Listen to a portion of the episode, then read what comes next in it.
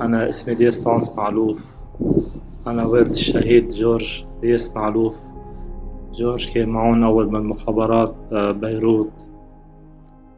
وكان عم يقوم بوظيفته كان آه، مأذون وجاي عم يلتحق بالخدمة.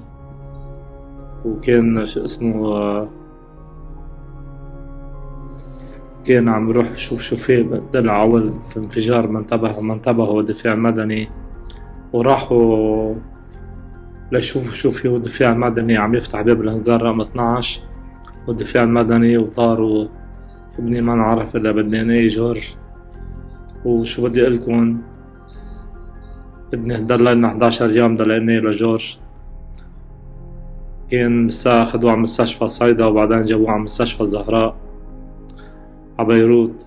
جورج ضلينا 11 يوم ضليناه جورج ما نعرف إلا بالدي ان اي جورج كان عم يعمر فوق جورج معمر فوق بيتنا وخالص بيته. كان بده بس بده الألمينيو وال هيك البياضات ليخلص بيته. استأجر بيت بالحمار بزحتي وعطى إيجار بيته للزلمة وزبط البيت وطرش البيت وقال لجوال قال يلا شي جمعة جمعتين نفرش ونخلص وبقولوا له الله رد متجوز. جورج لو تجوز هلأ كان هلأ عنده عائلة كان بدي يعبي لنا بيت ولاد ويقعد معنا ويسكن معنا جورج كان عايش معنا بالبيت. جورج ما بيأذن مني جورج ابن كنيسة.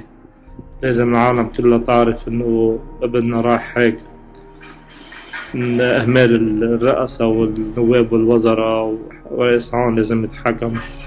وكلهم لازم يتحكموا ولازم يتعلقوا بالمشانق كلهم سوا. على البور محل ما ولادنا لازم ينعلقون هونيك ويفجرون هونيك. كلهم سوا. لازم العالم كلها تعرف إنه ابني راح هيك من إهمال الرئاسة وكل شي. يعني ثمان يوم جابوه على لبنان 2012 ليش ما الرئيس عون شيلون كبهم بالبحر؟ خلون ليقتلوا الشباب. حكم ميشيل عون. كلهم سوا لازم يتحكموا. نبيه بري كلهم سوا. كلهم سوا. ولا واحد منهم كله يعني كلهم.